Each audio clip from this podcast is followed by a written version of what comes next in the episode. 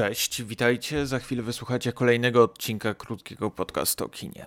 W dzisiejszym odcinku, ze względu na tematykę filmu Alexa Garlanda Men, Będziemy poruszać treści związane z wykorzystaniem seksualnym, z przemocą domową, więc chcemy zrobić ten content warning. Pamiętajcie o telefonach alarmowych.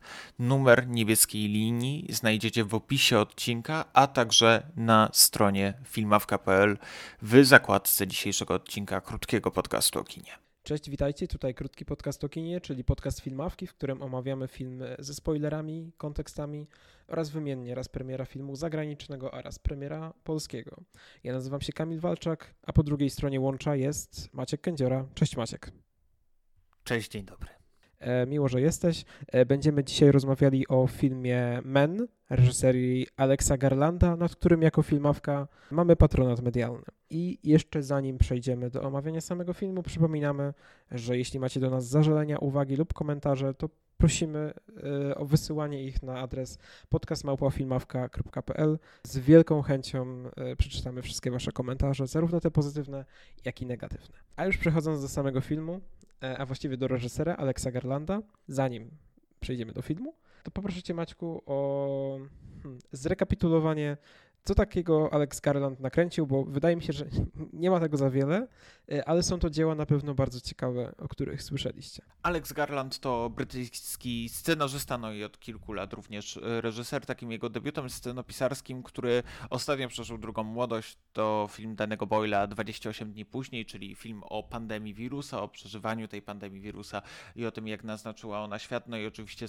ze względu na pandemię koronawirusa ten film nabrał jakiejś aktualności, tudzież na początku ludzie potrafili i, i, poszukiwali jakiejś odpowiedzi na pytanie, co z nami będzie, i gdzieś uciekając do filmu, również sięgaliśmy po te filmy zajmujące się wirusem. No a jednym z najpopularniejszych był, był właśnie film y, Boylowski. Później pojawiały się takie filmy mniej udane, moim zdaniem, jak Dread z roku 2012, czy też znakomite Nie opuszczaj mnie, o którym już y, zdarzało mi się tutaj wspominać w ramach naszego y, podcastu. No ale później Alex Garland, jako i wiele scenarzystów, którzy zostają uznani, którzy tworzą na pograniczu science fiction. Został zaangażowany reżysersko i zaczął tworzyć również własne filmy, ale oczywiście zawsze gdzieś naznaczone jakimś tam rysem fantazmatów, czy, czy to fantazy, czy science fiction, no bo pojawiały się filmy jak Ex Machina z wybitną rolą Alicia Vikander, taką rolą, którą mam wrażenie wprowadziła Alicia Vikander, jeszcze bardziej zaznaczyła jej gwiazdorski status i też status y, znakomitej aktorki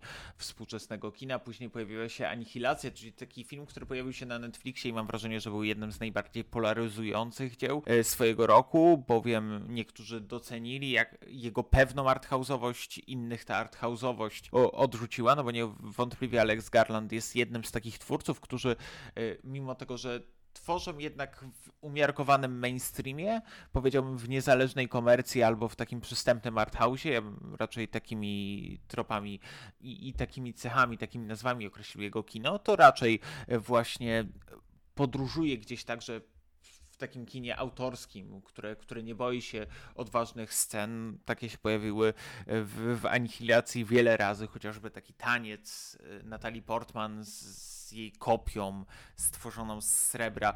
Y, średnio pamiętam Anihilację dosłownie, fabularnie, te pojedyncze fragmenty, sekwencje zapadają bardzo mocno w głowie z garlandowskiej Anihilacji. Pojawił się także serial Devs y, na HBO. No i y, w tym roku powrócił ze swoim trzecim pełnometrażowym filmem reżyserskim, czyli z filmem Men, gdzie oczywiście kolejna wielka, pierwszoplanowa postać kobieca, bowiem tym razem po Alice Vikander i Natalie Portman świetną rolę, to już mogę zdradzić, zagrała e, Jessie Buckley, która w tym roku świętowała także swoją pierwszą nominację w życiu do Oscara za film Córka Maggie Gyllenhaal. E, tak, powiedzmy zresztą, że Jessie Buckley przeżywa aktualnie no po prostu bardzo dobrą pasę i moim zdaniem wysuwa się na czoło tych aktorek w ogóle światowych. Aktualnie chyba moja ulubiona aktorka. Ona też grała w takich serialach jak e, Czarnobyl czy ostatni sezon Fargo, ale też wsławiła się przed dwoma laty e, u Charlie'ego Kaufmana w Może pora z tym skończyć, filmie, o którym jeszcze wspomnimy, tak samo jak o córce, bo wydaje się, że analogie są liczne. A zanim oddam Ci głos, Maciek, to tylko powiem, że Alex Garland jest już w rozmowach w sprawie kolejnego filmu, który także ma tworzyć A24, czyli ta sama wytwórnia, która zajmowała się Men, jak i wieloma innymi post-horrorami, o których też będziemy mówić. I ma zamiar zrobić film Civil War e, z główną rolą Kirsten Dunst i Wagnera Moury. Ja tylko nadmienię a propos jeszcze Jessie Buckley, że poza karierą aktorską Jessie Buckley zaczęła rozwijać również karierę muzyczną, w tym roku wydając swoją płytę, także bardzo pozytywnie przyjętą chociażby przez Guardiana, płytę z Bernardem, e, Bernardem Butlerem For All Our Days That Tear the Heart. E, to jest ich płyta, którą możecie przesłuchać również na serwisach streamingowych legalnie, do czego bardzo zachęcam, bo Jessie Buckley w takim nostalgicznym e, folku świetnie się odnajduje również muzycznie. Jest to jedna z piękniejszych płyt, bardzo wzruszająca i wydaje mi się, że jeśli śledzicie karierę Buckley aktorską, to warto również sobie komplementarnie śledzić jej karierę muzyczną, bo zapowiada się równie ciekawie. Wydaje mi się, że możemy tak delikatnie przejść już do samego filmu. Postaram się streścić fabułę tego filmu. Nie powinno to być zbyt trudne, dlatego że nie dzieje się być może za dużo. To znaczy, jak to u Alexa Garlanda bywa, taki jest przypadek Ex Machina, ale chyba w szczególności Anihilacji, to, to że może wydawać się, że dużo się dzieje, nie znaczy, że dużo się dzieje faktycznie, e, a wiele rzeczy rozgrywa się w jakiś półśnie. Mm, otóż Men opowiada historię Harper, która krótko po być może samobójstwie swojego męża, z którym i tak miała się rozstać, decyduje się w ramach trochę odpoczynku i przepracowania może trochę traumy wyjechać na wieś. Wyjeżdża do takiego bardzo malowniczego e, miasteczka Cotson i tam spotyka się z właścicielem Jeffreyem, którego gra Rory Kinner. Tak czy jak dom jest bardzo duży, piękny, ma takie krwisto-czerwone ściany, które pamiętają jeszcze czasy Williama Shakespeare'a. Więc ogólnie wygląda to świetnie, będzie ona tam sama, ale okazuje się, że jednak cały czas co się dręczy, dręczy ją to, że krótko po ostatniej kłótni ze swoim mężem, Jamesem, on, jak ona twierdzi, e, popełnił samobójstwo, to znaczy wyskoczył z balkonu e, piętro wyżej, choć ona podejrzewa, że być może się pośliznął i był tylko przypadek. Tak czy jak ona go wyrzuciła z domu i on, e, i on to zrobił. I ona widziała też jego zmasakrowane ciało, które obiło się o płot, więc to, to jest jakby bardzo traumatyczne przeżycie, które cały czas na niej się odbija, dlatego że ona czasami nie potrafi nawet odróżnić jawy od, e, od tego snu, e, właściwie koszmaru. Tak czy siak ona wybiera się do lasu, spaceruje po mieście, ona odkrywa, że ktoś za nią chodzi, jest to jakiś nagi mężczyzna, nie wiemy dokładnie, kto to jest, ale zgarnia go policja, kiedy tylko zadzwoni, więc jakby jest on z porządku jakiegoś realistycznego. Nie jest on jej przewidzeniem. E, potem, kiedy wybiera się do miasta, zauważa, e, że właściwie każdą z ról męskich gra ten sam aktor, jest to Rory Kinner. Przychodzi do miasteczka i, nie wiem, rozmawia z księdzem, e, spotyka jakieś małe dziecko, mm, zagląda do baru, no, odkrywa, że odkrywamy, bo ona właściwie nie zdaje sobie, sobie z tego do końca sprawy, e, że każdy z bohaterów ma twarz Rory'ego Kinnera. E, I czasem wygląda to naprawdę niepokojąco, zwłaszcza kiedy jakiś siedmiolatek ma twarz Rory'ego Kinnera. Wygląda to dosyć nie, niepokojąco. Jest to trochę dolina niesamowitości, która została przekroczona. Tak czy siak, okazuje się, że ten nagi mężczyzna został wypuszczony z aresztu i ona dalej czuje się nim zagrożona. I właściwie do tego tylko zmierza fabuła, że ona w tej posiadłości zostaje nawiedzana przez kolejne wcielenia Rory'ego Kinera, który w końcu przypomina jej męża. I finalnie ona próbuje po prostu uwolnić się od tej traumy. To, o czym wspomniałeś, czyli te wiele twarzy Rory'ego Kinera, które my zauważamy, a których nie zauważa Jessie Buckley i jej bohaterka, e, wydaje mi się, że powodują, i to oczywiście naznaczył już także interpretacyjnie Mark Kermode, że trudno ten film traktować realistycznie. W sensie my, my mamy świadomość, że on ma jakiś element nierealizmu w sobie ze względu chociażby na to zjawisko z Rorim Kinnerem, tak? Czyli, czyli, czyli ten film nie może być prawdziwy, ten film nie może być jawą.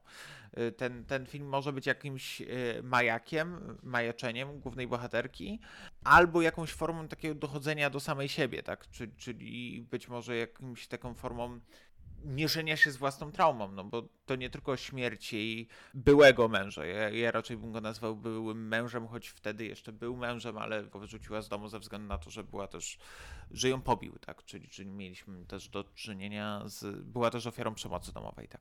W tym momencie, ale też wcześniej przemocy domowej psychicznej, co, co, co wielokrotnie podkreślała, no bo ten mąż ją bardzo mocno manipulował, tak? Czyli, czyli chociażby jeśli chodzi o, o szantaż emocjonalny, tym, że jeśli się rozstaną, to on popełni samobójstwo, y, czyli, czyli zaczął ją szantażować emocjonalnie, później y, atakować fizycznie i na koniec poślizgnął się, ale to poślizgnięcie wynika z tego, że ona przypuszcza, że on schodził do niej z balkonu sąsiadów, tak. Czyli, czyli chciał wejść podobnie do mieszkania, z którego ona go wyrzuciła. Co, co też mogło być gdzieś takim zjawiskiem, no bo on jak spadał, to raczej spadał w pozycji pionowej, tak gdzie, gdzie patrzał, y, więc, więc jakby się poślizgnął schodząc z balkonu sąsiadów na dół, to, to, to była pozycja, która jeszcze bardziej by to uzasadniała, tak? Ten, ten emfaz do niej y, spadając i patrząc przez okno. Ale ja muszę zaznaczyć, że ja też Men bardzo lubię, bo, bo wiem, że z Kamilem podzielamy to zdanie, że, że jest to film ważny, jest to film bardzo intrygujący. Y, ja, ja uważam, że jest to film ważny, ale to nie jest jego największa zaleta. To jest film po prostu bardzo dobrze zrealizowany i bardzo intrygujący, podobnie jak inne filmy Alexa Garlanda, tak cechujący się chociażby przepiękną stroną formalną, no bo ten film wygląda przepięknie. No, ten moment y, wprowadzenia mieszkania, po którym oprowadza ją Jeffrey, grany przez Rory'ego Kinera, który zresztą, co ciekawe, podkreślił w wywiadzie z RogerEbert.com, gdy dostał propozycję tej roli od Alexa Garlanda, podkreślił, że on bardzo by nie chciał grać w filmie, w którym największą zaletą tego filmu jest to, że Rory Kinner gra wiele ról. Bo on chciałby, żeby to miało jakieś pokrycie w rzeczywistości, a nie wynikało to tylko z tego, że on może y, robić swoje własne tour de force aktorskie, które już robił chociażby w innych serialach, bo na przykład w Penny Dreadful y, grał y, kilka ról. I więc, więc to nie pierwszy raz, kiedy oglądamy Kinera w, w wielu rolach mierzącego się ze swoim potencjałem aktorskim, tylko on chciał faktycznie, żeby coś było więcej z tego. I wydaje mi się, że y, faktycznie to wychodzi, chociażby dzięki roli Jeffrey'ego, czyli tego zarządcy domu, który jest chyba najciekawszą postacią, też postacią na plakacie, postacią też, która nam wydaje się nie do końca realna, no bo widzimy jego perukę, czy, czy, czy też widzimy y, zęby dorobione Kinerowi w, w charakteryzacji, tak, na której spędzał codziennie po dwie godziny. Więc, więc zakładam, że, że gdzieś y, ten proces również charakteryzacji ma nas od razu wybijać z poczucia rzeczywistości, poczucia realizmu men. Pozostaje mi zapytać, Kamilu, jak ty traktowałeś y, Men? Czy, czy, dla ciebie jest to film realistyczny, czy, czy, czy raczej ocierający się o jakiś stopień oni, oniryzmu, też, też chociażby przez symbolizm, czy, czy oczywiście przez ostatnią tam bodę horrorową sekwencję, która się roztacza? Ja muszę powiedzieć, że traktowałem ten film tyle o ile realistycznie, tyle o ile traktuję wszystkie horrory w ten sposób. To znaczy, jakbym miał podchodzić do tego typu filmów właśnie z kina grozy jako z marszu filmów, które są nierealistyczne, które są metaforą jedną czegoś wielkiego, no to bym się na nich dobrze nie bawił. E, już dawno przestałbym to robić. Ale rzeczywiście, kiedy na przykład, nie wiem, Mark powiedział to e, w swoim podcaście, no to ja pomyślałem, to, to ma sens, tak? E, jak najbardziej. To jest po prostu pewna interpretacja tego która jak najbardziej się zgadza, to znaczy cała ta rzeczywistość przedstawiona wygląda po prostu jak jakaś kozetka, na której Harper sobie e, siedzi i rozmyśla pewne rzeczy, żeby w końcu uwolnić się od tych e, złych demonów, a właściwie złego demona, bo tu chodzi o jej męża, ale być może chodzi o złe demony, bo chodzi o mężczyzn. E, I, i, i, I powoli przenosimy się w tę niebezpieczną sferę, kiedy wszyscy już wyłączą ten podcast. To znaczy tego, że no to jest jak najbardziej film polityczny e, i wydaje mi się, że część osób, przynajmniej które się spotkałem, nie wiem, pod recenzjami na, na, na Filmwebie powiedzmy, bo to jest dobry przykład, oburzały się na to, no i, bo jest to film rzeczywiście bardzo podstawiony pod taką tezę antypatriarchalną, no i ten tytuł nie bez powodu jest w liczbie mnogiej i on jest oczywiście zachowany w języku angielskim, bo, bo na przykład w języku angielskim jest ta ta dwuznaczność, że men odnosi się zarówno do ludzi, jak i do mężczyzn. Więc może tu chodzi zarówno o ludzi, jako o mężczyzn, co już moim zdaniem jakoś świadczy o tym, że to nie jest aż taki jednoznaczny film, jak się go przedstawia. Ale ogólnie taka przyjęta interpretacja jest e, taka, że Rory Kinner wyobraża w tych swoich różnych rolach męskich te typy męskości, które są opresyjne dla głównej bohaterki, dla Harper. I nie bez powodu, właśnie prawie wszystkich mężczyzn gra Rory Kinner, ale już kobiety, na przykład, nie wiem, przyjaciółka Harper, czyli jedna z policjantek, one są grane jako autonomiczne inne osoby. I to jest jedna z tych interpretacji moim zdaniem za prosto. Od razu muszę zaznaczyć, że ja też uważam, że, że to, że film jest polityczny, nie ma w tym nic złego. No każda sztuka jest w jakiejś formie polityczna, tak? Niektóra bardziej deklaratywnie, inna mniej, ale no, sztuka nigdy nie powstaje w jakiejś bańce, tak? Czy, czy, czy w próżni. Tylko, tylko powstaje zawsze w jakimś kontekście chociażby społecznym czy, czy, czy politycznym. I wydaje mi się, że Alex Garland wpisuje ten film w, w kontekst y, post MeToo, tak? Jest to film gdzieś na, naznaczony tym dyskursem o patriarchacie związanym z MeToo, z, z przemocą, w tym przypadku oczywiście z przemocą domową, e, czy to psychiczną, czy to fizyczną, którą, której doświadcza Harper, której doświadcza bohaterka Jessie Buckley. Mm, I, I, wydaje mi się, że tak oglądając Men i, i zastanawiając się nad tym, ja, ja uważam, że ten film jest dosyć ba ma jedną bardzo wyraźną metaforę. To nie znaczy, że to nie ma nic więcej, tak? Tylko no, generalnie jest to jedna taka bardzo wyrazista, którą mam wrażenie, że chciał gdzieś Alex Garland nam przedstawić, no i gdzieś tam pod podeszwą może jeszcze się ukrywać kilka y, odniesień, ale ten, ten film jest jednak bardzo prosto znaczeniowy, ale nie uważam tego za, za, za wadę filmu, tak? Czyli czasem filmy nawet horrorowy, nawet w czasach post-horroru, gdzie horror musi być, jak to mówi główna bohaterka krzyku w otwierającej scenie elevated, no bo tylko elevated horror może być uznawany za znakomite kino, yy, czyli, czyli ten film z wieloma znaczeniami, tak, gdzie, gdzie można rozważyć, czy Lighthouse opowiadał o alkoholizmie, czy o kryzysie męskości, to, to raczej w przypadku Mena Alexa Garlanda mam wrażenie, że yy, ten, ten pierwszy przynajmniej wątek znaczeniowy jest bardzo jawny i bardzo oczywisty do, do, do przyswojenia.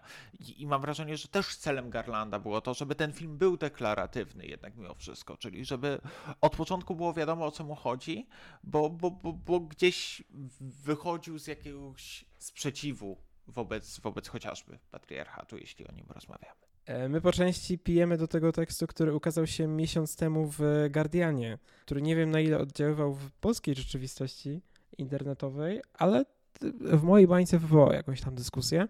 Oczywiście podeślemy do niego link w, w, bibliografii. Ogólnie on się sprowadzał do tego, że większość tych właśnie określonych przez Maćka elevated horrors, post-horrorów, horrorów nowej fali, jak e, zwykło się mówić za dawnych dobrych czasów, no to te filmy opierają się na takiej jednej centralnej i często powtarzalnej metaforze. Znaczy, najczęściej jest to metafora związana po prostu z traumą. Zresztą bardzo wiele filmów w, w dzisiejszych czasach e, opowiada właśnie o tej traumie, właśnie z gatunku kina grozy. Ma to zapewne jakieś usprawiedliwienie i jeśli są to filmy jakościowe i różne od siebie, to ja nie widzę w tym nic złego. Mm, I nie widzę też nic złego w tym, że film jest jakąś metaforą, e, która no, ona oczywiście jest oczywista w Men, w sensie my wiemy o co chodzi, dlatego że bohaterka nam to tłumaczy na koniec, ale nie uważam, że jest to coś złego i nie uważam, żeby to miało jakoś umniejszać temu filmowi, bo ma on wiele takich elementów e, wyporowych, które, albo dołów, e, które sprawiają, że on nie jest aż taki prosty do interpretacji. E, I ja bym się wolał nawet na nich, na nich skupić, bo ja, ja też jestem przeciwnikiem filmów, które są jedną wielką metaforą, które, która jest podana w taki trochę łopatologiczny sposób i myślę tutaj o e, filmie Mother e, Darena Aronowskiego. W sensie ja bardzo nie lubię tego filmu, dlatego że on jest taki kompletnie odrealniony i on się sprowadza tylko do tej metafory. Ale jednak jest jakaś rzeczywistość przedstawiona w Men i, i ta natura, która, która się tam pojawia, odgrywa jednak jakąś rolę. I że ta, ta natura, to, to, to środowisko, które zostaje jeszcze tutaj tak mm, podkręcone, to znaczy te zielenie wszystkie, które się pojawiają w filmie, e, symbolizujące naturę, są jeszcze bardziej podkreślone, to że one tutaj nie są przypadkiem. E, ich interakcja z bohaterką Jessie Buckley jest, jest znacząca. E, ale oczywiście masz rację, w sensie to jest oczywista metafora, ona jest polityczna, ona jest antypatriarchalna e, i jest trochę zarzutem w stronę wszystkich mężczyzn, dlatego że to oni są odpowiedzialni za ten system opresji, e, w jakim żyją kobiety. Men ma ten problem i to jest chyba problem, który ja mam z Men, ale to nie jest jak zawsze wynik tego, że to jest problem Alexa Garlanda, tylko problem tego, jak wynika recepcja trochę tego filmu. Że, że ja mam wrażenie, że Men za mało jest wnikliwych i ciekawych tekstów o Men. No, kiedy, kiedy się przygotowywałem, to, to, to są jakieś takie polemiki na temat post-horroru, są jakieś odniesienia, często pojawia się właśnie odniesienie wspomnianego przez Kamila Mader Darena Aronowskiego, e, tudzież wątków związanych z twórczością Rorego Kinera. Oczywiście pojawiają się zwroty, że to jest Tour de Force, że to jest znakomicie zagrana rola. Niektórzy nawet piszą, że, że to być może ma jakieś aspekty komediowe. Ja nie wiem, gdzie ten film ma aspekty komediowe, ale jest to, jest to być może gdzieś w tym filmie. Ale dochodzimy do takiego momentu, że po prostu ten film tak prześlizgnięty się, tak? Trochę mam wrażenie, że Men jest takim filmem, na który każdy czekał. Pamiętam ten moment, kiedy ten film został pokazany w Cannes, dostał bardzo dobre recenzje z, z festiwalu w Cannes, gdzie nie był pokazywany w konkursie, ale w takich specjalnych pokazach premierowych między Top Gunem a Elvisem Baza Lurmana e, I, I mam wrażenie, że ten film niestety trochę trafił w taką sferę dystrybucyjno-recepcyjną, gdzie mieliśmy Kan, gdzie bardzo dużo osób zaczęło opisywać Kan, gdzie mieliśmy właśnie tego Top Guna, za chwilę będziemy mieli tego Elvisa i, i Men trochę straciło na recepcji, po prostu na, na, na takiej ilości wnikliwych opisów, nawet w Side and Southie, do którego bardzo często się odwołujemy w podcaście, ta recenzja nie jest zła, tylko, tylko też nie jest wnikliwa. Nikt nie poświęca na przykład men e, artykułu dość szerszego, czy też twórczości Alexa Garlanda, co też jest dziwne w mojej opinii, bowiem Side and Sound jest pismem brytyjskim, a to bardzo brytyjski film, który przecież e, korzysta, wychodzi od brytyjskiego reżysera, ma brytyjską obsadę, tak? Rory Kinner nawet mówi, że to jest bardzo wyspiarski film. On nie mówi, że to jest angielski film, tylko mówi, że to jest bardzo wyspiarski film i mam wrażenie, że też korzysta trochę z takiej y, tradycji brytyjskiego kina. Bardzo ciekawe y, porównanie właśnie jest w recenzji Sign and Sound, gdzie porównuje się ten film do Nie odwracaj się teraz Nicolasa Roga z roku 1973 i uważam, że to jest też taka, wpisuje się ten film trochę w, w tradycję brytyjskiego filmu, też w tradycję brytyjskiego folk horroru. Nie ukrywajmy, że ten film jest bardzo folkowy przez osadzenie go na wsi. Wydaje mi się, że masz rację i na pewno po części wynika to z tych takich dosyć sceptycznych ocen. E, I to nie mówię tylko o naszych znajomych. mówię też, nie wiem, o wskaźniku Rotten Tomatoes, czy Metacriticu, czy, czy ocenach krytyków na Filmwebie. No jest to film, który tak części rzeczywiście się spodobał i, i są jakieś ciekawe recenzje na ten temat, ale właśnie takich pogłębionych tekstów to ze świecą szukać. A Wydaje się, że Alex Garland jest akurat takim reżyserem, który byłby dosyć wdzięczny do takiej wnikliwszej analizy. Nie pamiętam, jak to było z Anihilacją, ale wydaje mi się, że Anihilacja jest podobnym typem, to znaczy też filmem, który tak dosyć podzielił e, i też trochę się odbił, a moim zdaniem jest bardzo ciekawy i, i rozwija dosyć e, ciekawe wątki. Tak samo w Men. E, poza tą metaforą, od której, która jest oczywista i, można się od niej odbić i po prostu powiedzieć, że to jest film o tym, więc po co o nim mówić, ale wydaje mi się, że jednak on robi tutaj o wiele, wiele więcej. E, i też te liczne role Rory'ego Kinera one się jednak do czegoś sprowadzają, zwłaszcza postać księdza, to jest jedna z najciekawszych w ogóle ról tam, e, poza Jeffreyem, który jest taki, on, on ma chyba trochę aspekt komediowy, ale ksiądz jest akurat bardzo niepokojący, e, zwłaszcza w momencie, kiedy próbuje zgwałcić bohaterkę Jessie Buckley. I chyba to jest ten moment, bo mówiliśmy o tym przed podcastem, który skojarzył mi się z córką, e, dlatego, że w córce mm, główna bohaterka Leda ona wspomina o takim wierszu Williama Butlera Yeatsa Leda i Łabądź, który odwołuje się do mitu o tym, kiedy Zeus próbował zgwałcić e, Ledę pod postacią łabędzia. Wiem, że mówię trochę abstrakcyjnych rzeczach, ale to jest choćby trop. I ogólnie wydaje mi się, że widzę bardzo dużo analogii między córką, może pora z tym skończyć, e, i Men, nie tylko przez postać Jessie Buckley, ale ogólnie tego, jak Jessie Buckley zachowuje się wobec otoczenia. Może pora, może pora z tym skończyć. E, to otoczenie też było bardzo opresyjne wobec niej, tylko że ono nie miało jednego genderu, e, tylko było ogólnie pod postacią środowiska rodzinnego, koleżeńskiego, takiego bardziej psychologiczno-społecznego. A w córce to jest stricte instytucja macierzyńska, ale wydaje mi się, że te filmy dałoby się połączyć jakimś linkiem i, i zastanawiam się, czy sam tego nie zrobić, ale, mm, ale po prostu tak podrzucam e, ta, taki wątek i, i, i powiedz mi, co myślisz.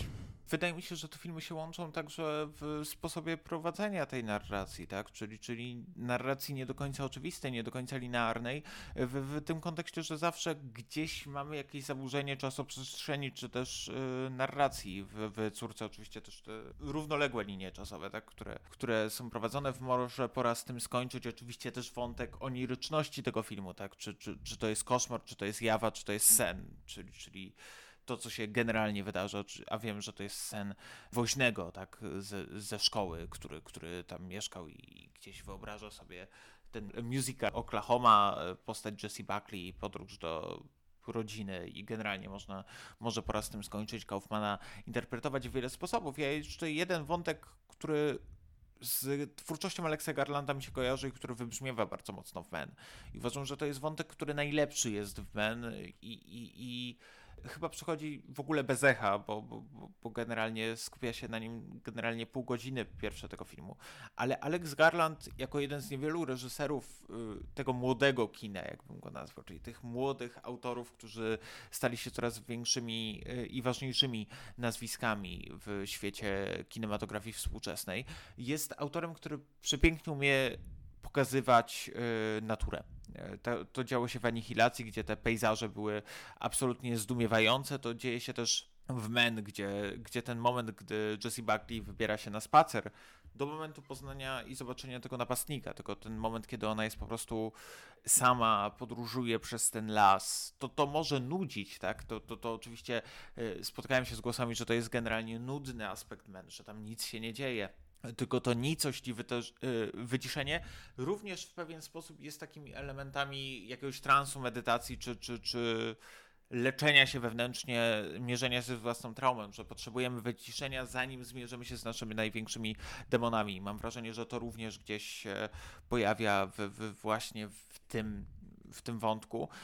I ten las jest absolutnie przepiękny. To wykorzystanie echa, to, ta zabawa naturą, tym, co, co, co, pozostawia nam natura, czyli właśnie daje nam echo, las, y, ten opuszczony bunkier, to jest absolutne y, arcydzieło ze strony y, Garlanda, jak on potrafi zagospodarować te brytyjskie pejzaże, w tym przypadku brytyjskie pejzaże. Tak, jeszcze wspomnę o tym echu, dlatego że to jest, to jest moim zdaniem jedna z lepszych scen, dlatego że ona ma swoje bardzo fajne odzwierciedlenie później. To znaczy z tych dźwięków, które właściwie nagrywa e, Harper, e, wychodzi potem trochę soundtrack tego filmu, zwłaszcza w takich bardziej niepokojących scenach i te dźwięki nakładającego się echa, które ona sama wytworzyła wcześniej, e, pojawiają się no na przykład, kiedy ona jest w kościele i są ujęcia na te maszkarony, czyli te takie wyrzeźbione postacie, które przypominają trochę demony, trochę ludzi i fajnie się na nie nakłada taki cień, który pada na, te, na ten kościółek. No i oczywiście pojawia się to też później, e, więc bardzo fajne zapętlenie tego echa i wykorzystanie go w ścieżce dźwiękowej. To mi się bardzo, bardzo podobało. I ogólnie całe te sekwencje, tak jak mówiłaś w lesie, e, dlatego że one mnie odwoływały do takiego wyobrażenia natury, która jest e, spokojna, która nie jest romantyzowana, to znaczy nie zostają jej nadane jakieś stany psychiczne, które odzwierciedlałyby stan psychiczny bohatera, ale natura jest jakby bohaterem osobnym, który oddziałuje jakoś na bohatera. Nie, nie, działa to w drugą stronę, czyli w ten sposób e, natura zyskuje pewną podmiotowość. I, i za to bardzo lubię Alexa Gerlanda, że, że on potrafi to zrobić i rozumiem ten zarzut o to, że ten film może być nudny, bo on rzeczywiście był taki trochę transowy, ale mi to zupełnie nie przeszkadzało i jeszcze bardziej wzmacniało mi ten klimacik, dlatego że ten film jest bardzo niepokojący. Tak, ja, ja nie ukrywam, że to jest film, w którym ja sobie przypomniałem, że na horrorach można się bać. Ja, ja generalnie jestem człowiekiem, który zawsze bał się horrorów, bo boję się bać. Nie, jest to jakieś yy, reakcja organizmu, która sprawia mi przyjemność. Yy, nie jestem Markiem Kermoudem, który uwielbia się bać na horrorach, bo uważa, że to daje fajnego kopa adrenaliny. Raczej nie jestem tym człowiekiem, po prostu ja, ja nie, nie, nie przepadam nie, nie czerpię z tego żadnego, e, żadnej formy przyjemności, ale y, oczywiście e, podcast i, i, i, rola krytyka filmowego wymaga, żeby z horrorami być za pan brat. Zwłaszcza, że post-horrory trochę nas odzwyczaiły od tego, że horrory potrafią być straszne mimo wszystko. No bo nawet jeśli myślimy o kinie Roberta Eggersa, jego Astera, może poza kilkoma sekwencjami w dziedzictwie Hereditary, które skądinąd również przypomina mi Men w tym kontekście, że jest, jest z jednej strony o tym, jak przechodzi z człowieka na człowieka zło, ale z drugiej strony, że w ostatniej sekwencji mamy, mamy taki element body horrorowy, czyli, czyli jest rozbita trochę narracja, którą utrzymywał Aster dotychczas i mamy tam sekwencję, gdzie Tony Collette biega po suficie. Tutaj mamy oczywiście sekwencję mm, stricte Cronenbergowską, czy, czy, czy z coś Johna Carpentera, gdzie z, z ciał Roriego Kinara wychodzą Rory Kinary. Yy, można, można tak ją streścić. Yy, wracając jednak do tego wątku, faktycznie cały czas się w bałem. I, i, I, to nie był taki strach typowy jumpscare'owy, że podskoczyłem i, i, się uspokoiłem, tylko jak na przykład na wcieleniu Jamesa Wana nie tak dawno, tylko y, generalnie to był taki stres wynikający z bardzo mocnego napięcia i dyskomfortu. Ten, ten film jest bardzo dyskomfortowy, tak? To jest kino, kino dyskomfortu y, ze względu na to, jak, jak dużo też opresji spotyka y, Jesse Buckley. Nie, jedno pytanie mam do ciebie, Kamilu, bo nie tak dawno rozmawialiśmy o y, po miłości. Y, nie, nie będziemy ukrywać, że nagraliśmy po prostu dwa, dwa odcinki naraz i o pomiłości będziecie słuchać za tydzień, ale już teraz chcę Kamilowi zadać pytanie, bo rozmawialiśmy tam o, o torturowaniu bohaterek, ale też o kontekście wiejskim. I o ile w kontekście polskim łatwo nam mówić o stereotypowym przedstawieniu, to uważam, że jest jeden zarzut, który jest być może do men dość słuszny, czyli że men również wykorzystuje wieś dosyć stereotypowo, jeśli chodzi o bohaterów Roliego Kinara, bo to są także stereotypy tego, jak wyglądają ludzie na wsi chociażby i to chyba zwłaszcza jest widoczne w postaci Jeffreya, tak? czyli pierwszego wcielenia Kinera, które widzimy na ekranie i które jest chyba najbardziej charakterystyczne obok księdza. Jakby rozumiem ten zarzut. Wydaje mi się, że on jest potraktowany trochę że on jest trochę potraktowany z pomyślunkiem, to znaczy zarówno ci bohaterowie mogą być uznawani za stereotypowych, choć Jeffrey jest po prostu ekscentryczny. To, to, to, to jest trochę po stronie e, postaci Harper, że ona go nazywa takim trochę wiejskim, nawet bardzo wiejskim. I wydaje mi się, że to nie jest potraktowane aż tak jednoznacznie.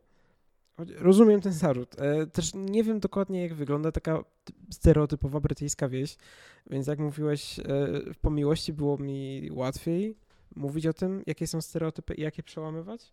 To tak tutaj nie odczuwałem tak tego, e, dlatego że akurat ten aspekt był dosyć alegoryczny i odnosił się przede wszystkim do tych postaci męskich, ale na przykład nie przedstawiał się w tej postaci policjantki która raczej uspokajała e, główną bohaterkę, kiedy złapali tego nagiego mężczyznę. Tak, tak, ten nawias ratuje ten film. Po prostu chciałem dopytać, e, co o tym sądzisz, bo mam wrażenie, że gdzieś ten zarzut mógłby się pojawić. Uważam, że jest to na granicy, w sensie jest to na granicy błędu Alexa Garlanda, ten, ten sposób przedstawiania wsi, ale na przykład znacznie piękniej ją przedstawia wizualnie, tak? W sensie ta wieś wprawia go i Jessie Buckley y, w, zachwyt. Jej, jej bohaterka Harper po prostu zachwyca się architekturą tego miejsca. Zresztą tam pojawia się taki trochę wątek pierwotny, to znaczy, kiedy ona próbuje wydostać się z tego lasu, kiedy ucieka za tym nagim mężczyzną, to ona trafia do takiego miejsca, które wygląda jakby ta wieś się zapadła e, i że ona trafia do jakiegoś miejsca pierwotnego. E, to jest, e, to jest wątek chyba nie, nie poruszony do końca, ale wydaje mi się on ciekawy, że ta, ta, ta wieś byłaby trochę takim obrazem, jak już patrzymy na to alegorycznie, w ogóle tej cywilizacji męskiej i jakiegoś powrotu do tych korzeni. Dlatego, że no ta, ta naga postać, o której cały czas mówimy, która, jeśli się nie mylę, też ma twarz Rory'ego Kinnera, tylko taką bardzo e, niewyraźną, no to jest wyobrażenie jakby pierwszych ludzi, czy Adama, w ogóle metafora Adama i Ewy pojawia się w tym filmie w bardzo oczywisty sposób i ona wydaje mi się nawet jest trochę wyśmiana, dlatego, że Jeffrey sam na nią zwraca uwagę, że o, zjadłaś e, jabłko, to zakazany owoc. Więc wydaje mi się, że to jest trochę świadome tego, co się dzieje. E, ale że pojawiają się takie wątki, jak właśnie na przykład to miejsce, które jest trochę zapadłe pod ziemią, Jeśli ktoś oglądał film, to myślę, że powinien skojarzyć. To, to są jakieś tropy, które naprowadzają na coś więcej.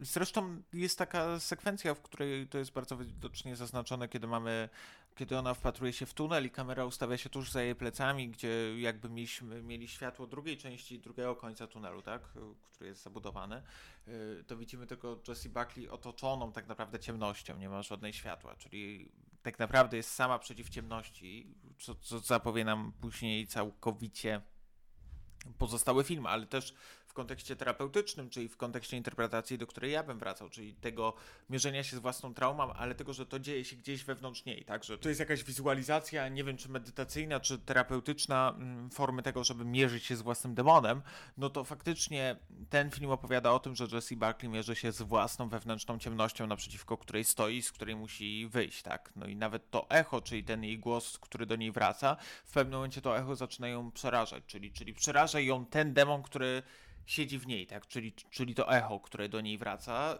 Echo oczywiście jest także y, znaczące w, w, tym tropie chociażby traumy, tak? Czyli trauma też do nas momentami wraca jak, jak, jak echo, tak? Kiedy, kiedy o niej zapominamy, to, to, to gdzieś powraca. I oczywiście to są tanie momentami być może interpretacje, ale jednak mam wrażenie gdzieś, gdzieś też foremne przy, przy tym, czym jest men, tak? Czy, i, i, I oczywiście mam wrażenie, że problematyką men jest to, że trzeba kupić metaforę i, i chyba trudno tak naprawdę kogoś przekonać do metafory, to jest tak samo z poezją, że, że trudno kogoś przekonać do poezji, kiedy ta poezja do kogoś nie trafi emocjonalnie. Uważam, że ten film po prostu musi być filmem, który wpłynie na ciebie napięciowo, w sensie musisz się go trochę bać, musisz być w niego zaangażowany, żeby e, móc się nim zachwycić, bo jeśli nie kupisz tego, nie, nie, nie wprawi cię w ten nastrój dyskomfortu, no to trudno, żeby to przeskoczyć. Ja bym jeszcze tylko na chwileczkę wrócił do tej wsi, dlatego że ona jest jeszcze przedstawiona w stereotypowy sposób pod jednym względem, który nie jest do końca jakby zrozumiały dla nas w Europie Środkowej czy Wschodniej, ale jest chyba trochę zachodnim tropem, to znaczy, że wyjeżdżamy na wieś, e, żeby odpocząć, żeby się zrelaksować. Nie wiem, czy w Polsce to jest jakby aktywne, wydaje mi się, że nie, ale pojawia się ten trop właśnie, że na wieś to tam będzie spokój, tam będzie spokojnie, tam będzie piękna natura i Alex Garland jednocześnie wypełnia ten stereotyp, to znaczy rzeczywiście dopieszcza tę naturę i wzmacnia tę saturację, przez co ta zieleń wygląda tak pięknie i soczyście ale z drugiej strony trochę to przełamuje, pokazując, że e, nie ma jakby żadnej ucieczki od tej traumy i nawet jeśli się pojedzie na wieś, to e, jakby wraca się do swojego, do swojej podświadomości i, i trzeba się zmierzyć z tym. No to silnik wygląda jak Eden. A to tak, tak. No to, to, to jest w ogóle odwo- jakby tych mitów e, z, matko mitów, tych wątków z Księgi Rodzaju pojawia się tam dosyć sporo i one też są warte prześledzenia, a nie takiego po prostu wspomnienia, także wydaje mi się, że to, to, to jest jeszcze przed nami, e, jeśli chodzi o teksty. Wspomniałbym jeszcze o tym, że tak kontekstowo można ten film zaliczyć do E, licznego grona e, filmów typu Good for Her, bo ostatecznie zakończenie tego filmu jest bardzo optymistyczne. To znaczy, ona w końcu konfrontuje się ze swoim mężem, który wylazł z kolejnych e, reinkarnacji Rory'ego Kinera. On chyba w końcu wychodzi z ust. Nie pamiętam, wiem, że pojawia się tam bardzo dużo różnych otworu, otworów i, i, i to jest w sumie bardzo fajna scena. W sensie bardzo mi się podobało. I ona się w końcu w tym konfrontuje i no właściwie odcina się od niego i odcina się od tego, od tej odpowiedzialności za jego śmierć i, no i za to, że właściwie po prostu chciała wyjść z toksycznego związku e, z toksycznym mężczyzną i wtedy przychodzi do niej przyjaciółka i ona jej właściwie wszystko tłumaczy i, i wszystko jest w porządku. Więc wydaje mi się, że właśnie to jest ten, to good for her, to znaczy kiedy właściwie bohaterka wyrywa się z jakiejś toksycznej relacji. E, tak na przykład było w obiecującej młodej kobiecie i w wielu innych filmach, bo to się pojawia dosyć często na przestrzeni ostatnich lat yy, i jest to taki dosyć fajny trop, bardzo feministyczny zresztą. Ja jeszcze tylko a propos tropów powiem yy, o tropach innych gatunków, czyli, czyli o tym, że tak naprawdę mamy fuzję trzech yy, gatunków horrorowych, czyli oczywiście na koniec pojawia się body horror, no to taki bardzo radykalnie Cronenbergowski wręcz. To, to, to, to, nie jest body horror jak z Itą Żyli Corno, tylko to jest faktycznie taki hardkorowy body horror, którego dawno już nie widziałem w tej, w tej formule e, w kinie, tak swoją drogą, takiego bardzo cielesnego body, body horroru. No to nawet w Crash takich e, sekwencji nie było. To, to chyba najbardziej mucha i ta przemiana Jeffa Goldbluma w Owada. To chyba taki ostatni moment, kiedy tak poczułem się zdrygnięty przez, przez ten film. Oczywiście też mamy Home Invasion i Folk Horror. No to są dwa inne gatunki, czyli, czyli Home Invasion w tej sekwencji, kiedy ten napastnik nagi, ale też poza tym później mężczyźni po prostu próbują się dostać do pomieszczenia, gdzie jest główna bohaterka, no i folk horror to oczywiście wykorzystanie folkowości tego i, i jakichś tak mitów czy, czy, czy ludyczności e, brytyjskiej, wyspiarskiej wsi e, i prowincji, bo, bo, bo czasem ta nie do końca byłem przekonany, czy to jest wieś, czy to jest bardziej prowincja. To są raczej. E, to, to, to wyglądało trochę więcej. Ten pub również był taki no nie wiem, czy hucznie odwiedzany, no bo odwiedzał go tylko Rory Kinner, ale generalnie mam wrażenie, że jakoś to miasto y, tętniło życiem. Ja jeszcze jedno tylko nadmienię i o czym już wspomnieliśmy. Oczywiście to, że mówimy, że to jest proste spostrzeżenie, to jest to proste spostrzeżenie, ale należy zaznaczyć, że zarówno Rory Kinner, jak i Jesse Buckley grają po prostu znakomite role w Men, tak? Czyli, czyli no, Rory Kinner udowadnia, że jest być może jednym z naj ciekawszych, a bardzo nieodkrytych aktorów, no bo mimo wszystko y, to nie jest takie nazwisko, które choć kojarzymy, choć często oglądaliśmy chociażby w, w programach i z y, produkcjach spod znaku MCU, y, gdzie, gdzie grał jednego z agentów tarczy, no to generalnie wydaje mi się, że jest to aktor bardzo nieodkryty, no a Jesse Buckley, jak już Kamil wspomniał, to jest wybitna aktorka, jak wspomnieliśmy na samym początku i, i udowadnia to po prostu po raz y, kolejny, no to jest y, film tej dwójki tak naprawdę i nie ma co, co ukrywać. Myślę, że możemy przejść do podsumowania, bo udało nam się jakoś zgrabnie e, połączyć te wszystkie wątki i, i brzmi to całkiem sensownie. Także ja, ja, ja podsumuję ten film. On mi się bardzo podobał. E, jest to mój typ horroru, to znaczy typ horroru troszeczkę E, transowego, troszeczkę takiego skupionego, który może korzystać oczywiście z, jak ten ze slow motion i mi to nie przeszkadza, jeśli ma to jakieś usprawiedliwienie chociażby w atmosferze filmu czy w aurze, e, którą wytwarza i no muszę powiedzieć, że bardzo, bardzo pozytywne zaskoczenie. Bałem się tej oczywistej metafory, ale to nie pierwszy horror, który oczywistą metaforą wcale nie musi zabić całości. E, I wydaje mi się, że można szukać w tej metaforze bardzo wielu rzeczy, e, która nie jest na powierzchni, ale gdzieś tam się kryje głębiej. Poza tym świetne zdjęcia e, i jak mówiłem, ścieżka dźwiękowa. Jesse Buckley i Rory Kinnear. Także Jessie Buckley, jak mówiłem, aktualnie moja ulubiona aktorka i, i, i bardzo lubię śledzić e, jej poczynania na ekranie i naprawdę mam nadzieję, że ta nominacja za córkę to jest jedna z wielu, jakie nastąpią. E, tak czy siak, ja, e, ja tylko powiem, że ode mnie 8 na 10. Jeśli śledzicie, a wiem, że niektórzy z Was to robią, e, tą rubrykę ulubieni i nieulubieni aktorzy i aktorki Kamila, no to w nielubianych jest Andrew Garfield, w lubianych możecie teraz wpisać Jesse Buckley i generalnie zamkniemy uniwersum krótkiego podcastu o kinie.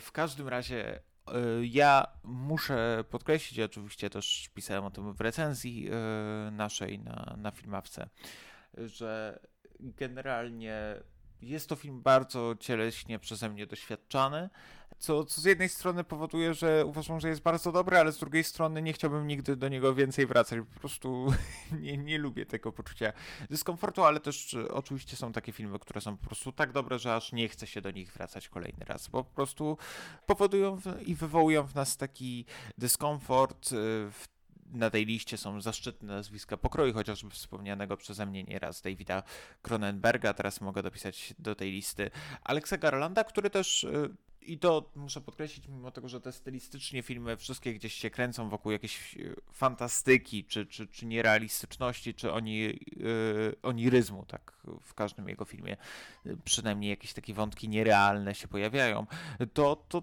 to generalnie wydaje mi się, że to jest chyba jeden z najciekawszych artystów y, i scena pisarzy na pewno jeśli chodzi o Wyspy Brytyjskie, które raczej uważam, że kino brytyjskie przeżywa jakiś taki dogłębny kryzys w sobie. Y, I, i wydaje mi się, że Men, oczywiście też ze względu na to, że T24, czyli kapitał nowojorski, to, to jednak uważam, że kino brytyjskie dawno nie miało tak ciekawej postaci jak Alex Garland i generalnie y, bardzo też świadomie wykorzystującej tą tożsamość właśnie brytyjską. I, I chwała im za to, cieszę się, że kino brytyjskie trochę bardziej odżywa, bo, bo uważam, że Wielka Brytania jest takim, taką przestrzenią, która chociażby wygląda jak, jak żywcem wyciągnięta z filmu. No ten film wygląda przepięknie w obrazkach, więc Wielka Brytania zasługuje na jakieś e, rezurekcję swojego kina i być może za sprawą Alexa Garlanda to się wydarzy. Ode mnie ocena 7 na 10. Dobiegliśmy do końca e, kolejnego odcinka krótkiego podcastu o kinie. E, ja wam bardzo dziękuję. Nazywam się Kamil Walczek, a e, rozmawiał ze mną Maciek Kędziora. Ja tylko zaznaczę, że mówimy za tydzień, a być może będzie to szybciej, bowiem e, nadrabiamy i nadganiamy zaległości krótkiego podcastu o kinie. W każdym razie w następnym odcinku. Po miłości. Pour l'amour.